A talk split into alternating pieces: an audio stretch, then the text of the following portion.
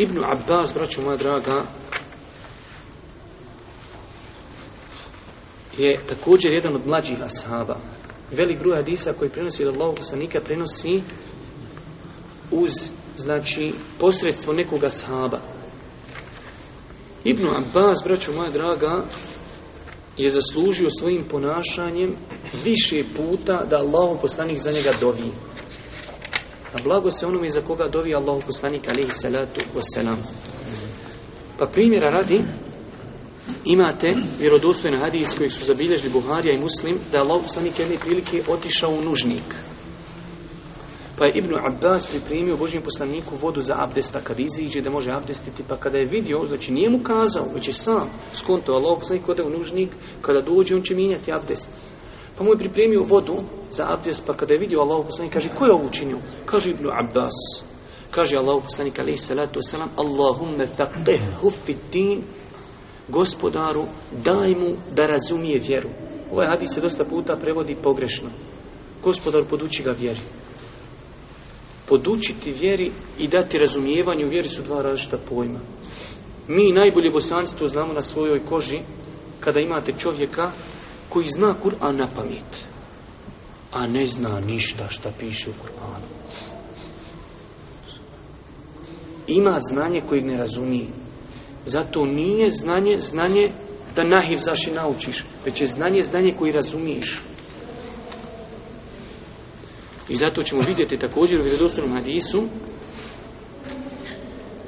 da je Ibnu Abbas jedne prilike otišao kod svoje tetke, Mejmune, koja je bila supruga Allahog poslanika, pa je noćio kod nje, pa je Allahog poslanik u toku noći ustao da klanja. Pa je Ibnu Abbas ustao da klanja s poslanikom. Pa je stao na njegovu lijevu stranu. Dvojica ljudi kada klanjaju u džematu, imam stoji na, znači, na lijevoj strani, a Muktedija stoji s desne strani. On je njemu stao, znači, s lijeve strane, on je, znači, bio na mjestu imama. Pa ga je Allahog poslanik uzeo, proveo i postavio svoje desne strani. Ibnu Abbas znači se odmake unazad. Kada je završio Allahu poslanik alaihi salatu wasalam, kaže Ibnu Abbasu, što se bolan odmake od mene u namazu? I ovo je dokaz da ljudi kad klanjaju dvojica, ne treba onaj jedan se malo nazad, već treba i biti u istoj ravni. Što se kaže odmake unazad? Kaže Allahu poslaniće, ti si Allahu poslanik. Zar doliči nekom da stoji s tobom u istoj ravni u safu? se Allahu poslanik iznenadio njegovoj pronicljivosti, njegovom poštovanju Allahu poslanika, pa Allahu poslanik dovio Allahu subhanahu wa ta'ala za njega, da ga Allah subhanahu wa ta'ala poduči tumačenju Kur'ana, da ga poduči propisima vjeri također. Abdullah ibn Abbas radijallahu ta'ala anhu kao što je zabilježeno kod imama Ed Darimija sa vjerodostojnim lancem prenoslaca je bio izuzetno pronicljiv.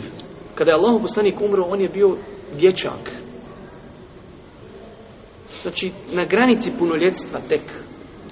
I on je došao jednom ensari i kaže, kada je umro Boži poslanik, kaže, hajmo tražiti znanje. Pogledaj koliko sada sahaba ima, svaki asab ima nešto od Allahog poslanika. Hajmo traži dok ima njih, sad tu pomriječe oni. On je gledao daleko.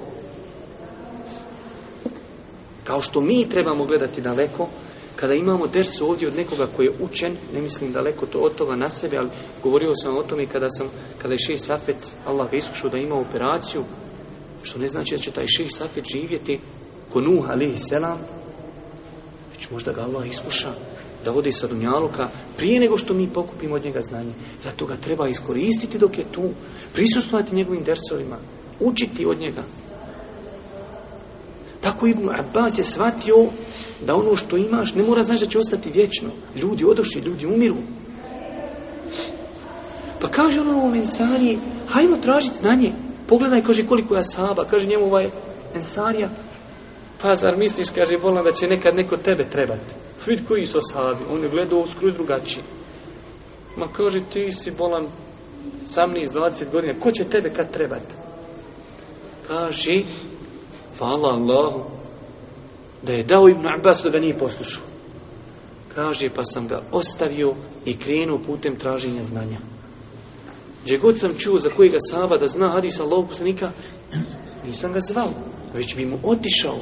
Pa kad bi našao čovjeka, kaže da spava kaj lulu, odmor, prije podnevni ili poslije podnevni, ništa, ja nikog ne zovem, uznemiravam svoj, kaže, ogrtač na njegov prag i spavam. Vjetar, kaže, me zamete prašinom, ali ja spavam, čekam. Ovaj čovjek krene izići, op, na mene nogom. E, to mi treba. Kaže, ti si Amidžić Allahovog poslanika, šta trebaš, otkud tu? Kaže, čuo sam da znaš taj hadis. Ma što nisi rekao da, treb, da ne treba, doćemo mi tebi. Ne, ne, ne, ti si, kaže, preći da ja tebi dođem. Znanju se dolazi na noge. Znanju se dolazi na noge, ne dolazi znanje. Zato Buharija, znate u Buharinoj biografiji, kada se vratio nakon dugog niza godina u svoje mjesto Buhara, namjesnik Buhari kaže dođi sa svojim knjigama, Tarihom i Sahihom i podučavaj moju djecu. Ne, ne. Imamo mi, kaže, halku u džami. Dovedi djecu sa ostalim muslimanima. Znanje, kaže, moje ne ide nikom i na noge. Znači, velika poruka. Ibn Abbas je tako sakupljao znanje. Pa kada su asabi pomrli, Ibn Abbas postao osnova. Pa ona je ensarija ugledao ljudi oko njega. Ibn Abbas, glavni muftija, glavni alim, glavni učenjak. Kaže, zaista je ovaj mladić bio mnogo pronicljiviji od mene. Ali gotovo, što kaže naš, naš, naš narod, prošla kola, mimo plasti oni koji su sa sela znaju šta znači tovar kola koja prođu mimo vlasti. Kola, ko će tovariš sino na kola, moraš parkirati blizu plasta. Kad kola prođu mimo plasta, konji ne mogu curiknuti nazad, a ti moraš bacati tam daleko. Da se ti slomiš, zato kažu ljudi, prošla kola mimo plasta. E tako, i ova insarija gotovo prošla kola mimo plasta, a sahavi pomrli. Sad što bi ti i došao u pameti, nijemaš od koga. Tako isto danas. Ako danas se možemo kupljati i učiti i imamo od nekog učiti, to ne znači da ćemo ovako 50 godina. Allaha mi znaju momci ovi kod koji sam ja dolazio na Briješće gore. Ja kad sam prvi put gore otišao pa drugi, svaki put sam i rekao pazite na ovu blagodat. Mešćit imate u internatu gdje učite ezan da čitav internat zvoni od ezana. Imate grijanje u mešćidu.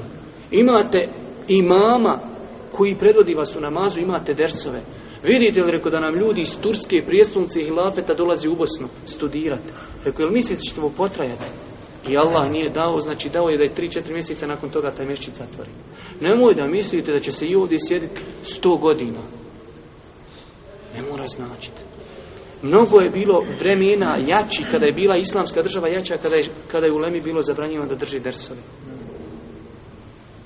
Zato vrijeme blagostanja, rahaveta, znači raha, blagostanja treba iskoristiti. Iskoristiti. Šta fali doći na ovakav ders, ne ovakav, bilo kakav? Šta bi čovjek radio sad kod kući? Pogledao bi dnevnik, napumpali bi ga sa novim nekim informacijama, dezinformacijama i eto ga. Znači, vraću moja draga, svakako treba iskoristiti ovo vrijeme. Ibnu Abbas, poznat po svojoj pronicljivosti, kao što je zabilježio imam Buharija, rahmetullahi alihi, poznati događaj svima nama, Omer radijallahu ta'ala anhu, znajući vrijednost Ibnu Abbasa, stavio Ibnu Abbasa u šuru s kojim sam konsultovao. Hadisi u Buhari. Pa su ljudi, stari ashabi, kažu, Omere, što će ovaj malac sa nama? Mi imamo oblike sinove čoveče. On s nama se ovdje gura u šuri kod tebe. Kaže Ibn Abbas, pa me jedne prilike Omer pozvao da dođem. Kaže, znao sam Allah da me ne zove, osim želi da im pokaže koliko ja znam. Pa on kaže tom svom šu, tvoju, svoju šuri, kaže njima, šta znate o suri izađaj nasrullah, kada dođe Allah pobjeda i pomoć. Pobjeda i pomoć. Jedni kažu, to nam Allah Đelšanu naređuje teubu, jedni kažu, naređuje nam da zikrimo, a, neki šute, neki ništa.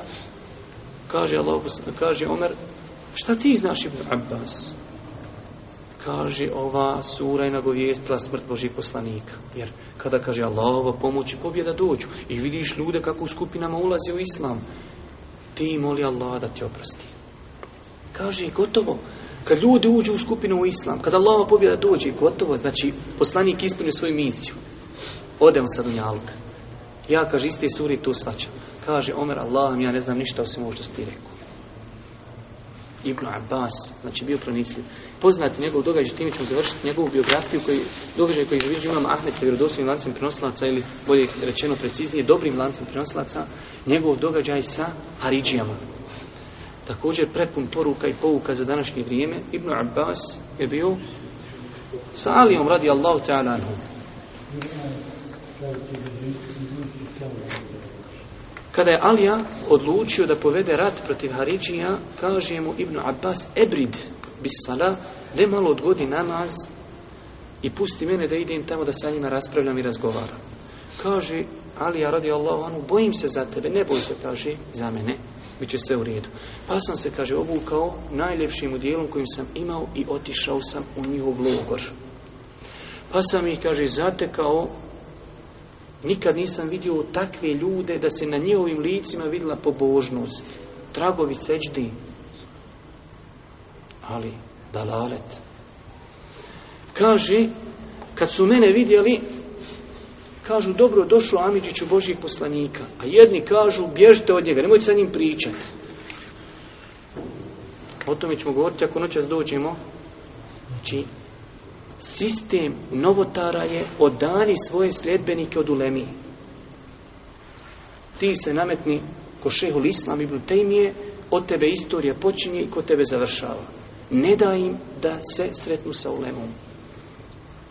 Kažu jedni, nećemo, bježite od njega. Kažu drugi, daj, pusti čovjeka, ne priča. Kaže on njima, ljudi, šta zamjerite?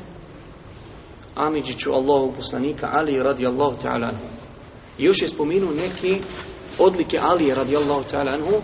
Spomenuo je da je on prvo dijete koje je primilo islam. Kažu oni, mi njemu zamjerimo tri stvari. Prvu stvar dozvolio je poznat onaj događaj kada je znači bio sukob on i Moavija, da su dogovorili da dvojica ljudi dođu predstavnik Moavije, predstavnik Alije, da se dogovore, da nađu rješenje. Kaže, on je dozvolio tahakum, da dvojica ljudi donosi rješenje, znači Allah Jošanu ne dozvoljava da sudi ikosim Allah te kvetana i presuđuje. Kaže, oni šta je, jel samo to ima još? Šta je? Kaže, on je iz svog imena znači odbio je lekab i titulu emirul mu'minin vođa pravovjerni i druga stvar on je ratovo protiv Aiši kaže i ratovo je protiv muslimana nije uzimao od njih ganimu ratni plijen nije uzimao ratni plijen šta ćemo sa tim koji smatraš nevjernicima, znači što se, ili što se protiv njih boriš, ili su nevjernici, ili uzme ratni plin. Kaže on njima, jel to jest? Kaže, ako bi vam ja došao sa dokazima iz Kur'ana i Sunneta, hoćete li to prihvatiti? Hoćemo. Hoćete li ostaviti alalet? Hoćemo. Kaže, prva stvar što se tiče dvojice ljudi, da je on prihvatio tehakum, suđenje dvojice ljudi, pa kaže, zar Allah tebara u Kur'anu nije dozvolio kada u određenoj porodici imaju problemi, fa arsilu hakeme min ehlihi wa hakeme min ehliha. Pošaljite jednog sudiju iz njene poruce, jednog iz njegove, pa nek pokušaju naći kompromis. I na hađu, tamo kad čovjek napravi prekršaj, zabranjeno je loviti. Kad neko nešto ulovi na hađu, dvojica ljudi se nađu koja će procijenti to što je on ubio, koliko će on fidiju dati. Kaže on njima, Zar tamo zec neku kojeg čovjek ubio u Mekke koji vrijedi četvrtinu zlatnika? Je li, kaže, to preći nego muslimanska krv? Kažu oni, vallaj, preća je muslimanska krv da se tu nađe kompromis. Jesmo li, kaže, završili sa ovom šubhom? Je li jasno? Allah je na dva mjesta u Kur'an dozvoljava da ljudi nađu kompromis. Kažu, jasno. Kaže, što se tiče majke pravovjernije vi kaže ima dobri odabrite jednu opciju ili da kažete da se ona može uzeti kao robinja a to je vaša mati a to je kaže kufr jer Allah Đeršanu kaže u Kur'anu a njegove supruge su njihove majke ili da negirate da vam imati a i to je kufr sad kad izaberte koju hoćete da lalete Ili da kažete da je ona halal kao robinja, da se može uzijeti, to je kufr. Ili da negirate vam i mati, a to opet kufr. Imate kao opciju sam da izabirate jednu između dva kufra. Ne mrete nikako treću izabirati. Ili da postupite kao alija, da je ostavite ako ratujete protiv njih. Jeste izišli iz ove šubije, kažu, izišli. A što se tiče, kaže, toga što je on ostavio svoj lekab, jer kod nje je znači inače sistem crno-bijelog televiziji, crno-bijelog, nema nikakvu boju. Kaže, on je odustao od svoje titule da je vođa pravovjerni. Pa zar nije Allah poslanik na Hudejbiji, kad je potpisivao onaj ugovor sa Kurešijama, kad, je došli, kad su došli Kurešije da potpišu sa njim ugovor, kaže Allah poslanik diktira kome, ali piši, kaže, ovo je ono na čemu smo se dogovorili, Muhammed Rasulullah, Muhammed Boži poslanik. Kaže on odmah, stop, stop, stop, stop, taj malo, ne može tako. Šta je problem? Pa kaži da smo mi vjerovali da si ti Boži poslanik. Nid bi ti, me, nid bi ti mi osporavali da ideš u Meku, nid bi ti nid se mi borili protiv tebe, nid bi ti vjerovali. Ne može tako, kako može? Kažu, može, ovo je ono na čemu se dogovorio Muhammed, sin Abdullahov, sa Kurejšijama. Piše, ali ja kaže, tako, ne bude kako hoće vi kaži, ha, vjerovali, ha, ne vjerovali, ja sam Boži poslanik. To ćemo mi napisati na papir, to je manje više. Ali ja je vođa pravovjerni, ha, to pisano na papiru ili ne pisano? Jeste li shvatili? Kažu, jesmo. Pa Allahom volji, od 24.000 ljudi, 20.000 ljudi se povuklo. Ostalo 4.000 i sve pobijeno. I tako i treba. Nema drugog lijeka za njih, osim taj lijek. Znači, tu je, braćo, ma draga, Ibnu Abbas.